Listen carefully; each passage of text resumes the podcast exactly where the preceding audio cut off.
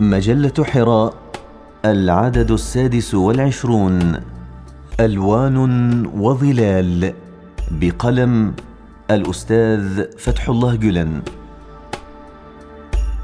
العطاشة.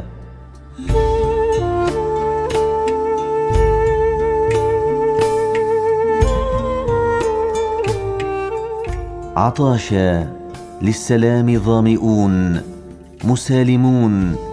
بالحق قائمون أياديهم على الحب تلتقي وقلوبهم بالمودة تنبض وكل أيامهم أشواق وحب ووئام.